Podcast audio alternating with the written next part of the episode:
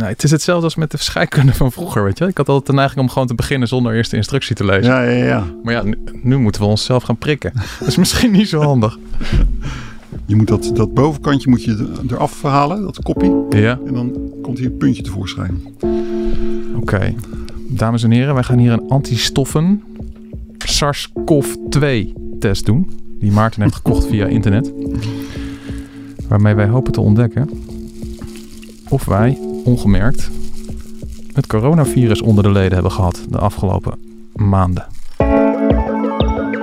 Mag ik je prikken? Ja hoor, dat mag. Als je wil. Kom maar. Oké, let's go. Ik durf niet. Dit is Auw. Ondertussen in de Kosmos, de wetenschapspodcast van de Volkskrant. Mijn naam is Tony Mudde, chef van die wetenschapsredactie. En ik zit hier met Maarten Keulemans, onze wetenschapsredacteur... die inmiddels al meer dan 100 artikelen over het beruchte coronavirus schreef. En die zich juist een bloedpriktest heeft afgenomen... om te kijken of wij antistoffen hebben tegen het virus. Want hebben we dat virus nou eigenlijk misschien stiekem al onder de leden gehad? Vandaag gaan we het hebben over de vraag waarom de een zo hard getroffen wordt door het coronavirus, terwijl de ander niet eens doorheeft dat hij het virus onder de leden had. Ons immuunsysteem speelt daarbij een cruciale rol, blijkt uit een coververhaal dat Maarten schreef voor de Volkskrant, waarvoor je tal van onderzoeken las en wetenschappers sprak. En Maarten, om even met één vraag te beginnen. Wat is er zo fascinerend aan dat immuunsysteem? Nou, ik, ik, ben, ik ben eigenlijk gek op die, die dingen die zich afspelen op de grens van het leven. Dus weet je wel, het ontstaan van het leven en eh, cellen en zo. Plekken waar je, dan zie je echt nog al die, al die ingewikkelde moleculen die ze hier hun werk doen. Het is echt nog scheikunde, een scheikundedoos.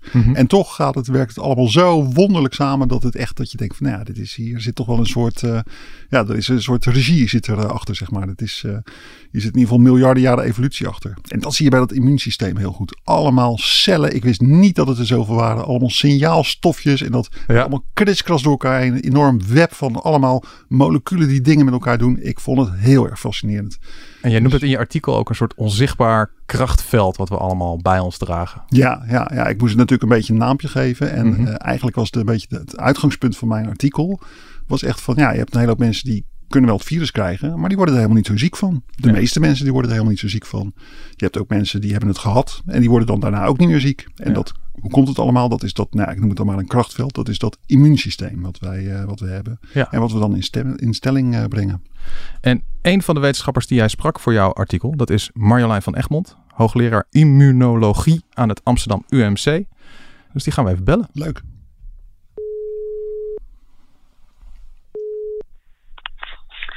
Marjolein? Eh, Marjolein van Egmond, eh, nou, onlangs bleek uit onderzoek van bloedbank Sanquin dat ongeveer de helft van de mensen met antistoffen in hun bloed tegen het coronavirus zelf helemaal niet dacht dat ze corona hadden gehad. En toen vroeg ik me af van, is, is dat nou iets wat heel uniek is voor dit virus? Dat het, bijna, ja, dat het bij de een bijna ongemerkt voorbij gaat, terwijl de ander er doodziek van wordt? Hoe kijk, hoe kijk jij er Nou, tegenaan? Ja, nee, het is, zeg maar, dit is wel op, in zoverre een, tikje bijzonder dat zeg maar, echt alle extremer er zijn. Hè? Dus het is inderdaad mensen die helemaal niks eh, eh, ja, meekrijgen tot mensen die daaraan overlijden. Dat, dat, is wel, dat is wel vrij bijzonder. Maar op zich dat mensen verschillend op een virus of een andere ziekteverwekker reageren, dat, dat is niet zo heel erg raar. Dat, dat zie je wel heel vaak gebeuren. Iedereen heeft zijn eigen afweersysteem. Hangt er ook een beetje vanaf of je al een keer eerder in, in aanraking bent meegekomen of niet. Maar dus dat mensen verschillend reageren op ziekteverwekkers, dat is wel vrij gebruikelijk. En, en dat zie je bijvoorbeeld ook bij, ik, ik noem maar wat, ebola of HIV. Of, dat, dat, dat kan ook behoorlijk uiteenlopen.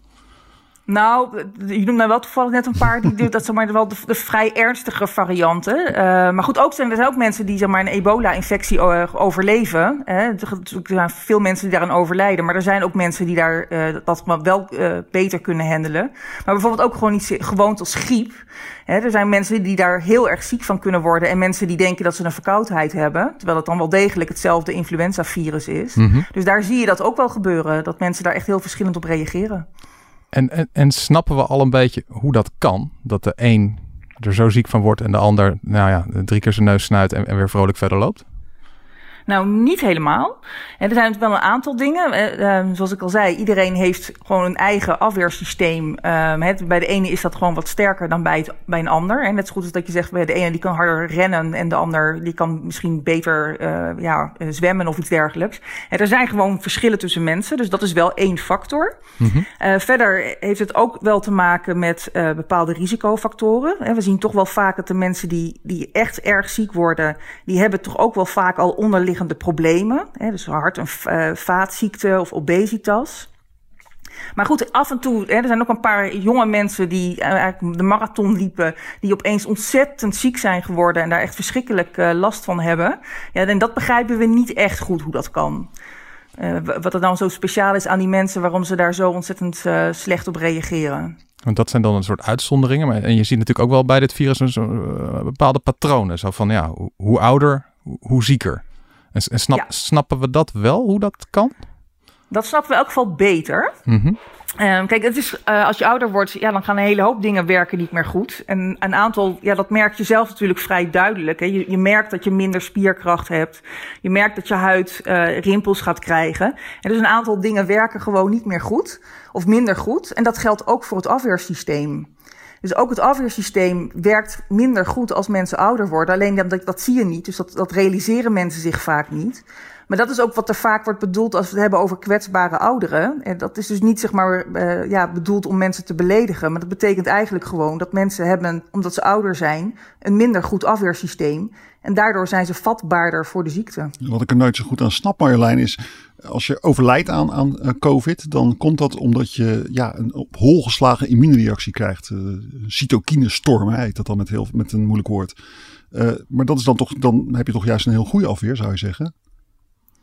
Ja, ja, nou ja, dat is dus natuurlijk ook een beetje een definitiekwestie. Uiteindelijk het belangrijkste van het afweersysteem is dat het goed gereguleerd is. En wat je, wat je dus inderdaad ziet bij mensen die uh, op de intensive care terechtkomen, uh, daar slaat het afweersysteem op hol. Dus dat begint natuurlijk wel uh, in een poging om de, het virus te bestrijden. En ook daarvan snappen we niet helemaal precies waarom dat nou zeg maar, bij de ene persoon dan zo vreselijk op hol slaat. Hè, ook daar spelen bepaalde risicofactoren ook wel weer een rol bij. Hè, dus obesitas bijvoorbeeld.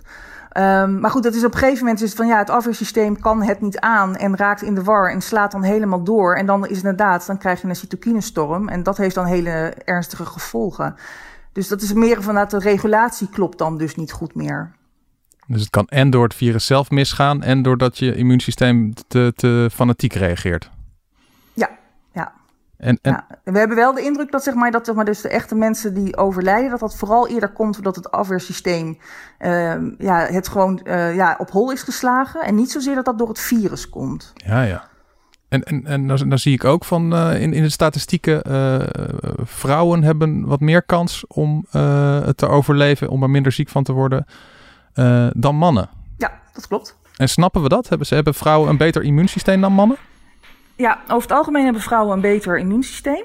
Um, Zitten we dan, Maarten? Ja. Met ons slechte immuunsysteem. Ja. Ja. Maar vrouwen krijgen weer meer uh, last van auto-immuunziektes door dat uh, betere immuunsysteem. Dus, uh. Oh, oké, oké. Okay. ja, nee, daarom. Het is, allemaal, het is allemaal inderdaad een balans. maar vrouwen hebben het over het algemeen een beter afweersysteem. En dat heeft ermee te maken dat een hoop van de, ja, degenen die um, het afweersysteem reguleren, die liggen op het X-chromosoom. Ja, daar hebben vrouwen er eenmaal twee van. En mannen hebben een X- en een Y-chromosoom. Mm-hmm. Dus bij vrouwen uh, zie je dat het afweersysteem het vaak beter doet. Het, het, inderdaad, het nadeel, dat is wat Maarten terecht opmerkt, is vrouwen zijn ook gevoeliger voor het ontwikkelen van auto-immuunziektes. En dus daar slaat het door, omdat dan is het afweersysteem te sterk en dan valt het het eigen lichaam aan. Ja. Dus ja, dit, het is een beetje toch wel uiteindelijk elk voordeel heeft ook wel een nadeel. Het gaat eigenlijk altijd over een balans die je moet hebben. Ja. Reuma, reuma is zo'n zo, zo ziekte die veel meer bij vrouwen voorkomt dan bij, bij mannen, meen ik mij te herinneren. Ja, dat klopt. En dat, ja, dat maar dat is... geldt eigenlijk voor, voor veel auto-immuunziektes. Dus ook voor hè, multiple sclerose geldt dat. En voor eigenlijk voor bijna allemaal geldt dat. Ja, dus waarbij dus je, je, je lichaam eigenlijk zichzelf aanvalt. Waarbij daar, daardoor de ellende ontstaat. Ja. Ja. ja.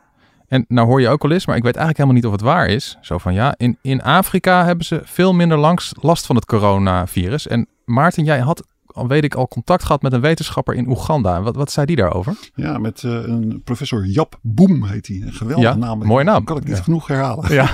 nou, uh, het, het, aardige is, hij doet onder meer onderzoek in Kenia. En in Kenia zie je uh, het wonderlijke fenomeen dat ze, ze hebben daar antistoffentesten gedaan. Dus gekeken van hoeveel mensen hebben nou antistoffen tegen het virus. Mm -hmm. En daar bleek iets van 5% van de bevolking die bleken antistoffen te hebben. Uh, dus dat zou betekenen dat het virus daar net zo hard heeft toegeslagen als bijvoorbeeld in, uh, in Nederland of in Spanje of zo. Dat soort uh, landen waar je ook 5% antistoffen ziet. Ja. Alleen het enige is dat in Kenia waren op het moment van die studie waren maar 100 mensen waren overleden aan het, aan het virus. En nou ja, dat is natuurlijk voor een deel is dat gewoon heel simpel te verklaren doordat Afrikanen gemiddeld jonger zijn. Ja. Maar ja, aan de andere kant, die Jab Boom wijst erop van ja, dit, dit speelt ook in een hele hoop andere landen. In Mozambique, India is nu heel erg in het nieuws. Daar, nou, echt een bevolking van 1,3 miljard. Uh, ze hebben nu echt een record aantal besmettingen per dag, 80.000. En toch zijn er nog maar tussen aanhalingstekens 1200 mensen overleden.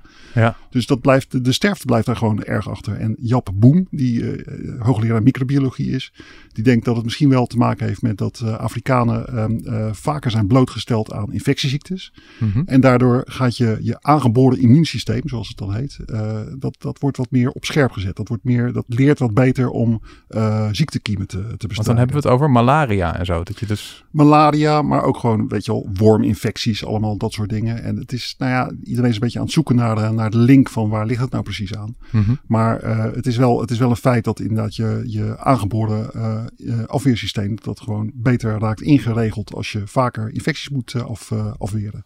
En hoe kijk jij er tegenaan, Marjolein? Ja, dat, het lijkt me een hele plausibele verklaring. Dat, uh, het is inderdaad gewoon zo dat uh, uh, ja, mensen natuurlijk in, nou ja, in sloppenwijken en zo, ja, die worden veel vaker aan allerlei infectieziektes blootgesteld dan wij. dus dat dat inderdaad, zeg maar, een, een, ja, dat, dat dat afweersysteem zeg maar, meer op scherp staat, om het zo maar te zeggen. ja, daar kan ik me wel iets bij voorstellen. Dus dat, dat lijkt me een hele plausibele verklaring. En wat ook uh, toen nog een rol kan spelen is gewoon genetica. He, dat, uh, we zien het ook wel bij andere ziektes, dat uh, um, ja, andere ja, Afrikanen daar gevoeliger voor zijn um, dan witte mensen of andersom. Mhm. Mm -hmm. En dat heeft ook wel iets met de genetica te maken. Hoewel ik gek genoeg dacht dat in, in Amerika, daar zijn allerlei studies die juist zeggen van nou, zwarte mensen die zijn wat gevoeliger voor de, de gevolgen van dit uh, coronavirus. En dat heeft ook voor een deel natuurlijk gemaakt, te maken met dat ze armer zijn en dikker en, en ja, ongezonder leven in Amerika.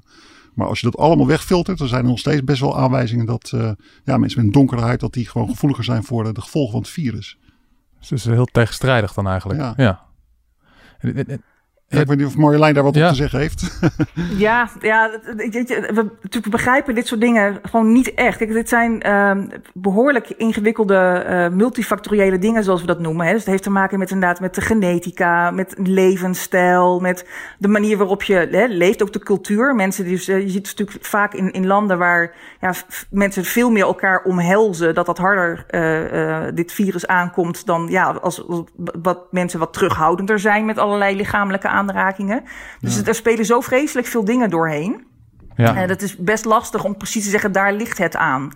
Dus het is een samenspel van allerlei factoren. Ja, mag ik misschien nog even over die, ja? die aangeboren afweer? Dat, dat, is wel heel aardig, want dat was een van de dingen die ik eigenlijk ontdekte toen ik dit aan het, aan het uitvogelen was. Ik heb onder meer contact gehad met uh, Mihai Netea, heet die, uh, die man. is een Roemeense onderzoeker die in uh, Nijmegen werkt. Mm -hmm. En die probeert dus of je die, die aangeboren afweer, of je die ook kunt inregelen zonder dat je er uh, meteen malaria voor hoeft te hebben gehad of zo. Ja. Je hebt namelijk een, een, een oud vaccin tegen tuberculose, het BCG-vaccin. Ja. En er zijn best wel aanwijzingen dat als je die prik uh, toedient, dat, nou ja, dat beschermt dan tegen tuberculose, maar ook tegen allerlei andere afweerziektes. Waarschijnlijk omdat inderdaad, nou ja, het, die, die, prik die zorgt er gewoon voor dat je je afweersysteem een soort pets krijgt. Ja. Waardoor allerlei afweercellen uh, wat anders raken, afgesteld, wat, wat beter worden in het verslaan van, van luchtwegvirussen. En ja, uh, zoals Mihai Netea mij ook vertelde, van ja, uh, dit werkt voor allerlei luchtwegvirussen. Dus waarom niet voor het uh, nieuwe coronavirus? Dus dat, is, dat wordt op dit moment onderzocht. Ontzettend interessant. interessant. En ja. heb ik dat vaccin al gehad? In Nederland, dat, dat TBC-vaccin? Het is, nou dat, Marjolein, weet jij dat misschien? Het is een ouder vaccin, is dat? Ik verwacht het niet. Ik verwacht niet dat, um, want tuberculose is gewoon iets wat in Nederland niet heel veel voorkomt. Mm -hmm. Dus dat zijn met name natuurlijk uit landen als India en zo. De, de, de, ik meen Portugal trouwens wel. Er zijn wel wat meer het verschillen gevonden. Dat, dat, dat ze denken dat inderdaad landen waar dit vaccin wel veel wordt gegeven, dat daar uh, mogelijk dus minder uh, COVID-19 uh, optreedt. Maar dat is het lastige, want het zijn allemaal correlaties. Hè? En correlaties, ja. dat is geen bewijs. Nee. maar goed, ik, ik, weet toevallig dat MIA heeft net een studie gepubliceerd hierover. En, en daar laten ze wel inderdaad zien dat uh, ja, uh, met name ouderen. Dus dat is belangrijk, want ouderen hebben natuurlijk zeg maar een zwakker immuunsysteem. Maar dat met name bij ouderen, als je dat vaccin geeft, dat je dan inderdaad het afweersysteem boost. En dat deze mensen minder last hebben van bepaalde um, luchtweginfecties. En ja, omdat uiteindelijk is, is uh, SARS-CoV-2 uh, ook gewoon een virus. Uh, dus er is geen reden om aan te nemen op dit moment dat dat anders zou gelden. Maar formeel is dat dus nog niet aangetoond. Dus daar, daar moeten we nog een beetje voorzichtig mee zijn. Maar ik denk zeker dat dat een hele uh, ja, goede studie is om dat uit te zoeken. En dat dat ook uh, ja, mogelijk misschien wel heel erg hoopvolle resultaten op kan leveren. We hebben altijd zo halverwege het programma de, de rubriek Een vraag tussendoor. En uh, die laten wij altijd stellen door een soort robotstem, een alwetend algoritme, die een, uh, een vraag bedenkt. En hier komt hij. Maarten en Tony, hebben jullie nou corona gehad of niet? Maarten en Tony, hebben jullie nou corona gehad of niet? De test, Maarten. Oh ja, dat is waar. We hebben een test gedaan. We, hebben net, we gaan eens oh, even kijken. Ik ben benieuwd. Ik durf haast niet. Oh. Het idee is van dit. Uh, je hebt dus een, nou, een soort zwangerschapstest hebben wij dus gedaan. We hebben hier zo'n plastic bakje. En ik zet nu even de gebruiksaanwijzing te kijken. Een negatief resultaat. Indien alleen een gekleurde lijn in controlegebied C verschijnt, zijn er geen antilichamen voor COVID-19 in het bloedsample aangetroffen. Dus één streepje en je bent negatief. Dat betekent dat je het virus niet hebt gehad. Volgens deze test althans. We gaan straks nog even Marjolein vragen of dat eigenlijk wel, uh, of we dat wel kunnen vertrouwen. Wat heb jij Maarten? Ik heb het niet gehad. Ik heb alleen een streepje bij de C staan. Zal ik je nu vertellen wat ik heb? Nou, er staat geen streepje. Oh, Daarbij staat Heb jij de uitleg ongeldig resultaat. U heeft de test waarschijnlijk op een verkeerde manier uitgevoerd. Ach, dat bloed voor jou weer, hè? Als het probleem zich herhaalt, neem dan contact op met uw lokale leverancier. Oké, okay. mijn test is ongeldig verklaard ja, dus. En ik heb het niet gehad volgens en, deze test. En volgens de, deze test heeft Maarten het coronavirus niet gehad. En dan ben ik gelijk, dat wil ik nou gelijk aan Marjolein vragen. Want er staat dan in die uitleg staat van, ja, uh, dit, dit toont aan uh, antihumaan IgG antilichaam en geëmobiliseerd in testgebied G. Daar zit muis antilichaam IgM antilichaam. Wat een toverwoorden. IgM, IgG. Wat, wat, wat is dat nou eigenlijk Marjolein? Kan je dat nou uitleggen? Ja, dat, dat zijn antistoffen. Uh -huh. Dus dat is waar ook op getest wordt. Uh, gewoon als je zeg maar, uh, ja, met, met, met de grote testen van het RIVM en Sanquin meedoet. Um, en antilichamen komen in uh, vijf verschillende smaakjes. En dat zijn IgM, IgG, um, IgA, IgE en IgD. En degene zeg maar, die als eerste worden aangemaakt, dat zijn IgM-antistoffen. -huh. En dan op een gegeven moment, als de, uh, in, ja, de afweerrespons langer duurt, dan krijg je ook andere. En dan wordt er vooral op IgG gemeten en soms ook op IgA gemeten. Ja. Um, dus dat, ja, dat, dat zijn eigenlijk gewoon de antilichamen die gemeten worden. En kan het nou niet zijn dat ik, uh, want ik heb nu geen IgG en IgM, maar zou het dan kunnen dat ik bijvoorbeeld wel IgA heb of IgC of zo? uh, nee, dat is uh, heel erg onwaarschijnlijk. Het is wel zo dat je zeg maar bijvoorbeeld IgM en IgA kunt meten, of IgM en IgG kunt meten. Maar het is eigenlijk altijd zo dat als je, omdat IgM degene is die echt als eerste wordt aangemaakt, dat die wel vaak uh, nog aanwezig is. Dus het is meestal niet zo dat je dan uh, dat helemaal niet meer terugvindt. Hmm. Um, dus, dus op zich het is wel een vrij gangbare manier om te testen dat je zowel op IgM als op IgG test. Ja. En hoe betrouwbaar is zo'n test nou? Is het nu van, oké, okay, nu staat het echt wel vast dat uh, Maarten Keulemans geen corona heeft gehad? Of, of uh, kan je dat zo makkelijk niet zeggen?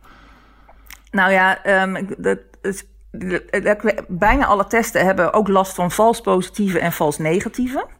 Um, en dat hangt natuurlijk heel erg af van de betrouwbaarheid van een test. Um, ja, hoe, hoe betrouwbaar je zeg maar, dat, dat daarop af kunt gaan. En als ik heel eerlijk ben, zal ik uh, op zeg maar, zo'n zelftest die je via internet bestelt en dan binnen, binnen een kwartiertje een antwoord geeft. Ja. Uh, daar zou ik zeg maar niet heel erg veel vertrouwen in hebben. Oh, jee. Want het is gewoon bekend dat die testen niet, uh, ja, niet heel betrouwbaar zijn. En het, vervelende is, kijk, als je een vals positief resultaat krijgt, ja, dan kun je je daar natuurlijk heel erg ongelukkig van voelen. Want ja, dat, dat is natuurlijk zo van, oh, dan denk je dat je corona hebt of hè, dat je daar, daar iets mee hebt. Um, dus dat kan vervelend zijn. Maar een vals negatief resultaat is nog veel vervelender. Want stel je voor dat je het wel hebt en je test negatief en je denkt, oh, ik heb het niet, ik ga naar een feestje. Ja, dan kun je toch onbewust en ongewild heel veel mensen besmetten. Dus ik zou daar zeker niet blind op varen. Ik zou daar heel voorzichtig mee zijn om dat soort resultaten uh, te interpreteren. En er staat hier ook in de kleine lettertjes, zit ik nou net te lezen. In zeer specifieke gevallen kunnen testresultaten veroorzaakt worden door een eerder of recentelijk opgelopen infectie met een niet-SARS-CoV-2 uh, coronavirus, zoals coronavirus HKU1, NL63, OC43 of 229E. Dat zijn verkoudheidsvirussen, hè, volgens mij de, ik moet zeggen, ik ben geen virus-expert, maar de meeste coronavirussen zijn verkoudheidsvirussen. Dus dat, dat is waarschijnlijk wel zo, ja. Heb, heb je zelf eigenlijk uh, wel eens zo'n test gedaan of, of het idee dat jij het hebt gehad? Of, uh... Nee, ik heb de test niet gedaan. Uh, ik denk ook niet dat ik het heb gehad. Ehm, dat weet ik natuurlijk niet zeker. Het is allemaal een soort van ja, aannames. Maar kijk, ik heb natuurlijk wel zeg maar, die hele periode, uh, zeg maar, rond maart, heb ik ook allerlei verkoudheid dingen, symptomen gehad en hoesjes. En natuurlijk denk je dan, oh, nou heb ik het ook. Maar ja, uiteindelijk, er, er dwaalt echt heel veel rond aan allerlei soorten virussen die allemaal vergelijkbare symptomen geven. En je ziet nu ook dat de mensen die zeg maar, nu zich laten testen met symptomen, dat daar uiteindelijk maar een heel klein percentage echt uh, dit virus heeft. Dus ik verwacht eerder dat ik gewoon van het begin van het jaar gewoon een verkoudheid heb gehad. Maar zeker weten doe ik het niet, want ik heb mij nooit laten testen. En stel, we hadden hier nou eh, wel met 100% uh, zekerheid kunnen vaststellen dat, uh, dat Maarten geen, coro of, uh, geen corona heeft gehad. Of we hadden vastgesteld dat hij het wel had gehad. Laten we dat, dat, dat is eigenlijk interessanter. Stel, we hadden hier vastgesteld, oké, okay, hij heeft het gehad, corona. 100% zeker. Uh, kan hij dan weer uh, vrolijk de horlepiep uh, dansen en mensen omhelzen? Omdat hij dan een beetje immuun is of heel erg immuun? Of hoe zit dat? Nee, dat kan ook niet, helaas. Dat, uh, het, het, zou fijn zijn als het zo makkelijk was, maar dat blijkt allemaal toch wat uh, ingewikkelder te liggen. En dat, dat, is ook net ook aangetoond bij een, uh, iemand in Hongkong. Mm -hmm. Dus deze persoon heeft aantoonbaar een infectie gehad met het SARS-CoV-2-virus in maart. En is toen bij een routinecheck op een vliegveld in uh, in augustus opnieuw positief getest. En ze konden echt met uh, eh, 100% zekerheid zeggen dat dat een uh, tweede keer een besmetting was. En dus niet iets wat was nog achtergebleven van de eerste keer, maar het was echt een nieuwe besmetting. Ja. Het is wel zo dat deze persoon daar helemaal niet ziek van is geworden. Dus dat is maar goed nieuws. Alleen, we weten niet of zo iemand niet besmettelijk kan zijn. Dus het ja. kan best wel zo zijn dat je zelf beschermd bent, maar dat je nog steeds anderen kunt besmetten. Dus ook voor mensen die het gehad hebben, blijft het toch belangrijk om gewoon de, maatregelen in acht te nemen. Want ja, je kunt misschien toch anderen besmetten, terwijl je dat niet wil. Ja, precies. En, en eh, is het nou eigenlijk goed nieuws dat de, deze meneer uit Hongkong dus na 4,5 maand het weer kreeg en toen helemaal geen last had? Is dat een soort iets van, oh ja, dan blijkbaar heeft zijn immuunsysteem toch iets goeds gedaan, want het herkent het virus beter en, en zorgt dat hij geen klachten krijgt? Is, dat, is het goed nieuws of is het slecht nieuws omdat je het überhaupt zo snel weer kan krijgen? Nou, als immunoloog zou ik zo gewoon zeggen van dit is uiteindelijk wel goed nieuws. Kijk, het kan altijd beter. Ik, het was nog beter geweest als hij uh, langdurig uh, neutraliserende antistoffen had gehad. Want dat zijn antistoffen die eigenlijk zodra het virus binnenkomt, ja, aan het virus binden en dan zorgen dat ze dan uh, de, onze cellen niet kunnen binnendringen. Mm. En daarmee maak je het uh, virus direct onschadelijk, omdat een virus is volledig afhankelijk van onze cellen om zich te kunnen vermenigvuldigen. Dus als je kan voorkomen dat ze binnenkomen, ja, dan, dan maak je echt het, uh, ja, neutraliseer je het virus, vandaar ook de naam. Ja. Nou ja, daar wisten we eigenlijk al van dat die dus na een paar maanden weer weg waren. Dus dan is het inderdaad zo dat op het moment dat een virus dan binnenkomt, ja, dan, dan kan die dus wel zeg maar uh, onze cellen weer binnendringen. Maar het feit dat die man vervolgens helemaal niet ziek is geworden en heel snel nieuwe antistoffen heeft ontwikkeld, geeft aan dat het afweersysteem echt precies datgene heeft gedaan wat het moet doen. Het is echt helemaal volgens het boekje. Dus ja, ik zou dat persoonlijk als goed nieuws beschouwen. Dat je denkt van oké, ons afweersysteem reageert toch bij deze man in elk geval volkomen normaal op dit, deze virusinfectie. Ja, goed nieuws in tijden van corona, dat kunnen we gebruiken. Ja. Maar ik vroeg me af, Marjolein, toen ik jou sprak hierover uh, voor, de, voor de krant. Toen zei je eigenlijk in de nazit, uh, appte jij nog van, van ja, nog wel een ding wat belangrijk is om toe te voegen. Uh, we zijn waarschijnlijk niet levenslang beschermd tegen het virus. Hoewel deze meneer nou wel eventjes beschermd is. We weten gewoon niet hoe lang het duurt. En waarschijnlijk niet levenslang. Hoe, hoe, waar, waar maak je dat uit op? Nou ja, dat, is natuurlijk, dat weten we inderdaad niet hoe lang dat duurt. Hè. Daar is eigenlijk de hele pandemie nog te kort voor. Dus we, het duurt gewoon nog niet lang genoeg voordat we zeker weten hoe lang die bescherming is. Maar um, kijk, we weten van andere coronavirussen, hè, dus de verkoudheidsvirussen, dat dat uh, niet levenslang is. En ook als je kijkt naar de, de, de originele SARS, hè, dus SARS-CoV-1, ja, was het een paar jaar. Met MERS was het ook een paar jaar. En dat, dus zijn, dat zeggen we de voorgangers hè, van het, dit coronavirus. Ja, ja. ja. Eigenlijk zijn net andere coronavirussen, maar dat waren eigenlijk degenen die de vorige keer zeg maar, de grote problemen gaven. Alleen dat is niet bij ons uh, uh, terechtgekomen, maar dat was natuurlijk in het Midden-Oosten en ik dacht ook in China een probleem. Ja. Um, en ja, daar bleek dat dat na een paar jaar uh, die bescherming weg was. Ja. Uh, en dat, ja, dus, dus uh, het is waarschijnlijk niet zoals met mazelen, van uh, dat kan je maar één keer krijgen, of je bent gevaccineerd en dan ben je de rest van je leven beschermd. Dus bij deze is het toch wel mogelijk dat je het nog een keer kunt krijgen. Maar uh, zoals bij die meneer in Hongkong, waar toch vrij groot in de krant stond van oh, herbesmetting, oh wat vreselijk. Dan denk ik van ja, deze man is gewoon beschermd. Dus het is ook weer niet zo dat je binnen een paar maanden weer op, opnieuw weer ziek van kan worden. Zo erg is het nou ook weer niet. Maar na een paar jaar zou je dan opnieuw moeten vaccineren of zo? Of wat, wat moet ik daarbij voorstellen? Ja, dat, dat zou een, een, een goede mogelijkheid zijn. Kijk, hetzelfde gaat eigenlijk een beetje voor de griep. Hè. Voor de griep uh, ja, zijn wij ook niet blijvend beschermd. Um, en ja, dat betekent dat dus de kwetsbare groepen jaarlijks een uh, vaccin moeten krijgen. Nou ja, dan kan men een situatie voorstellen of een scenario voorstellen waar je zegt van nou, voor dit geval doen we dat ook. Hè? Dus dat we de kwetsbare mensen elk jaar uh, vaccineren. Of misschien als het langer duurt, je zegt om de twee jaar. Kijk, dat weten we natuurlijk gewoon nog niet. Dat moeten we gewoon uitwijzen hoe lang die bescherming duurt. Maar als er straks een vaccin is, dan uh, ja, zou je dat probleem dus kunnen oplossen door vaker te vaccineren. En ik zit nu eventjes, ja, dat, dat, dat, dat woord viel aan het begin van de coronapandemie heel erg, die, groepsimmuniteit. Ik zit nu even uit mijn hoofd een, een, een, sommetje te maken met, met wat je net vertelt, Marjolein. Van nou, stel dat het een paar jaar duurt en, en, en dat we geen vaccin hebben. Dan, dan kan je dus nooit iets van groepsimmuniteit opbouwen als je ziet met al die maatregelen toch ook hoe langzaam dat virus zich verspreidt. Dan, heb je, dan krijg je nooit een groep van uh, dat 60% van de mensen het net gehad heeft en, uh, en, en, en het niet nog een keer kan krijgen, toch? Nee, dat klopt. Ja. En dus om groepsimmuniteit te krijgen, moeten eigenlijk zoveel mogelijk mensen blootgesteld worden en afweer opbouwen. En ja, dat proberen we juist nu met mannenmacht te voorkomen dat dat gebeurt. Dus dat, dat gaat niet werken. En het is ook maar de vraag of het anders überhaupt zou werken hoor. Want het is ook zomaar nooit gelukt om groepsimmuniteit op te bouwen tegen verkoudheidsvirussen. En dat kunnen we ook gewoon vaker krijgen. En daar hebben we natuurlijk nooit, nooit maatregelen genomen. Ja. Dus uh, de beste manier om groepsimmuniteit te krijgen is echt vaccinatie. En als ik eerlijk ben, is maar groepsimmuniteit is ook een term uit uh, de vaccinatiewereld. En dat betekent dat het aantal mensen wat gevaccineerd moet worden om te zorgen dat mensen beschermd zijn. Hè, dus de, de, uh, zeg maar de samenleving beschermd is. Dus het is buitengewoon moeilijk om echt groepsimmuniteit te krijgen zonder vaccinatie. Ja, precies. Ja. Dus toch alle hoop op het vaccin. En uh, ik las ook in, in het artikel van jou, Maarten.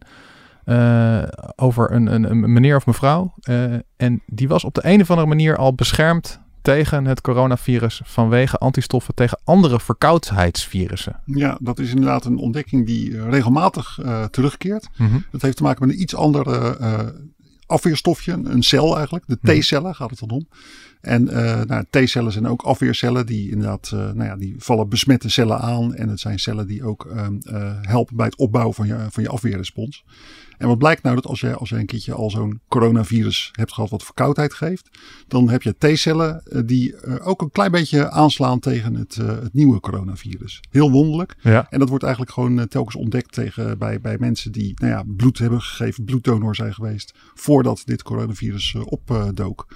En ja, je gaat dus nu ga je met afweercellen die mensen ga je experimentjes doen. En dan blijkt dus dat ze inderdaad bloed hebben wat al een beetje reageert op het nieuwe coronavirus. Heel spannende Dus ontdekking. dus Kruisreactiviteit heet dat. Ernstig, dus het zou dus ergens gunstig kunnen zijn als je dus, eh, laten we zeggen, voor die hele lockdown eh, flink verkouden bent geweest. Ja, nou weet je, ik Eh, sprak hier eh, eh, een onderzoeker in Rotterdam over, uh, Ja. Rory de Vries, Ja. eh, expert op T-celgebied. En, en die zei van ja, weet je, je kunt echt nog niet zeggen of het nou gunstig is of niet. Want het is, je ziet inderdaad dat die cellen al een beetje reageren. Mhm. En je hoopt natuurlijk eigenlijk dat ze dan ook eh, ja, in staat zijn om gewoon het nieuwe coronavirus eh, uit je lijf eh, te verjagen. Ja. Maar het zou net zo goed kunnen dat die reactie gewoon veel te weinig is om echt de ziekte te verminderen. Ja. En het zou zelfs kunnen zijn, een heel klein kansje, dat, je, ja, dat die T-cellen juist averechts werken. Dat ze hele geruststellende signaaltjes gaan afgeven. Van, eh, nou ja, wij hebben de boel onder controle. Terwijl het helemaal niet zo is. En dat het virus dan alsnog gaat huishouden, Ja, ja, ja. simpel gezegd. En Marjolein, die, die, die T-cellen, is, is het, eh, hoe zit het daarmee? Ja, dat zijn heel erg belangrijke cellen bij een eh, virusinfectie. Ja. En dus die antilichamen, en dan met name die neutraliserende antistoffen, die voorkomen dat zo'n virus een cel kan binnendringen. Mhm. Maar een T-cel, ehm, die doodt cellen waar het virus al wel is binnengedrongen. Oh ja. En daarmee dood je ook eigenlijk, eh, of neutraliseer je ook direct het virus, omdat het virus dus afhankelijk is van onze cellen. Dus als je dus de gastheercel doodmaakt, en dan gaat het virus ook ten onder. En dat doen dus T-cellen. Dus T-cellen, eh, ja, die, die geven een soort van zelfmoordsignaal aan cellen van onszelf die al geïnfecteerd zijn. En daarmee wordt de verspreiding van het virus gestopt. Dus die T-cellen moet ik zien als een soort, soort tweede verdedigingslinie. Ja. Ja. Ja. Dus dat is echt een, en die zijn, heel, erg- het zijn echt heel erg belangrijke cellen bij virusinfecties. Wat denk jij eigenlijk Marjolein? Hoe gaat, dit, hoe gaat, het, hoe gaat het nou verder met, eh, met deze, deze toestand? Ja, dat, ja, als ik toch in de toekomst kon kijken. En dat kan ik natuurlijk niet. Nou, je hebt ervoor doorgeleerd, dus ik verwacht wel wat van je. Ja, ja, ja goed. Het is natuurlijk. eh, eh, wetenschap eh, is, is geen exacte. Tenminste, je kunt niet exact allemaal van tevoren voorspellen. Maar kijk, waar ik op hoop. Is dat wij. eh, kijk, het is, het is ook niet zo dat we volledig machteloos staan tegenover dit virus. Dus het is niet zo dat je denkt van. Oh, nou, nu gaat het, zeg maar, het einde van de wereld. En, en dit komt nooit meer goed. Ehm, we kunnen sowieso zelf al een aantal dingen doen. En het is denk ik heel belangrijk dat we ons aan de maatregelen houden. Want daarmee kunnen we wel echt voorkomen dat het weer zo'n opleiding wordt. Hè, wat mensen natuurlijk zomaar het over hebben, over die tweede golf of een derde golf. Daar hebben we zelf de hand in. Dus als wij ons maar goed aan de maatregelen houden, dan kunnen we het zelf onder controle houden. Dus ik denk dat dat een belangrijk wapen is wat wij zelf hebben. Ja. Dan is ons afweersysteem ook echt een heel belangrijk wapen. Want um, hè, voor heel veel mensen zal toch gewoon gelden. Van ja, als je het krijgt, ja, dan zul je daar ziek van zijn. Uh, een beetje afhankelijk van ja, of je mazzel hebt of, of pech hebt. Of hoe erg je daar ziek van wordt. Maar het afweersysteem zal bij de meeste mensen gewoon zijn werk doen. En uh, het zorgen dat het opgeruimd wordt. En dat je ook een poosje beschermd bent. Een paar jaar misschien, hopelijk. En dan, ja, de ontwikkelingen gaan nu zo ontzettend hard. Dat je echt denkt van ja, weet je, het moet bijna wel zo zijn. Maar goed, je kan het niet garanderen. Maar het zou me toch echt wel verbazen als het toch niet volgend jaar een vaccin is. En dus het is denk ik ook een kwestie van we moeten nu gewoon, ja, denk je, tanden op elkaar en even deze periode uitzingen tot dat vaccin er is. Maar die ontwikkelingen gaan zo hard en die resultaten zijn zo hoopvol. Ja, het zou toch wel echt heel erg gek moeten lopen als er geen vaccin ja. komt. Maar goed, dat is, het is allemaal wel een beetje koffiedik kijken, maar dat is wat ik hoop. En, en dat, dat afweersysteem, Marjolein, dat is, ja, het is natuurlijk heel erg populair bij allerlei beetje wat van die lifestyle guru-achtige types van, van dat je gezond moet eten, want dat is goed voor je afweer. Afweersysteem is heel erg in. Maar weet jij toevallig, kan je nou eigenlijk je afweersysteem ook echt beïnvloeden door meer te bewegen, gezonder te leven? Heeft dat, heeft dat zin? Uh, nou, het heeft altijd zin om gezonder te leven.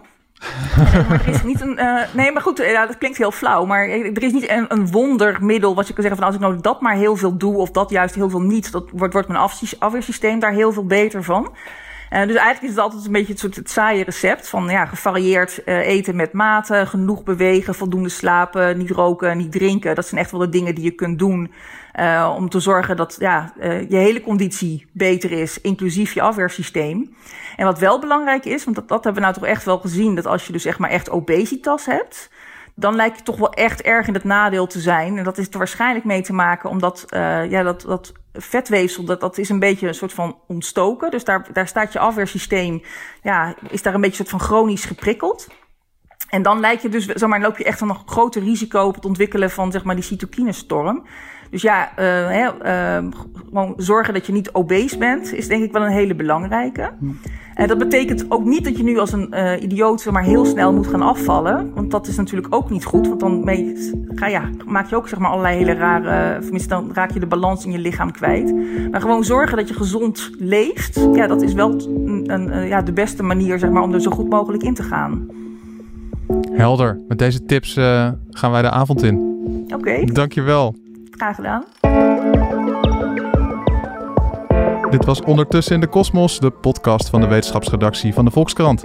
Dank aan mijn gast van vandaag, hoogleraar immunologie Marjolein van Egmond en wetenschapsredacteur Maarten Keulemans. Wil je onze journalistiek en onze gratis podcast steunen? Dan kun je het beste een abonnement nemen. Voor 50 cent per week ben je al digitaal abonnee. U hoorde mij goed, 50 cent per week. Op volkskrant.nl slash lees vind je alles over onze abonnementen. Wil je een volgende aflevering van deze podcast niet missen? Abonneer je dan op Ondertussen in de Kosmos in je favoriete podcast-app. Leuk dat je luisterde. Graag tot een volgende keer.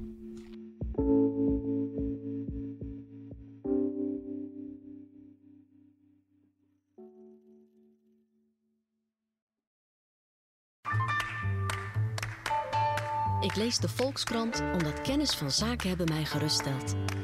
En ik mij daardoor sterker in mijn schoenen voel staan. Eigenlijk zou iedereen de Volkskrant moeten lezen. Gun jezelf ook de Volkskrant. Ga meteen naar volkskrant.nl/slash nu en lees de krant tot wel acht weken voor maar 4 euro. Stopt vanzelf volgens de actievoorwaarden.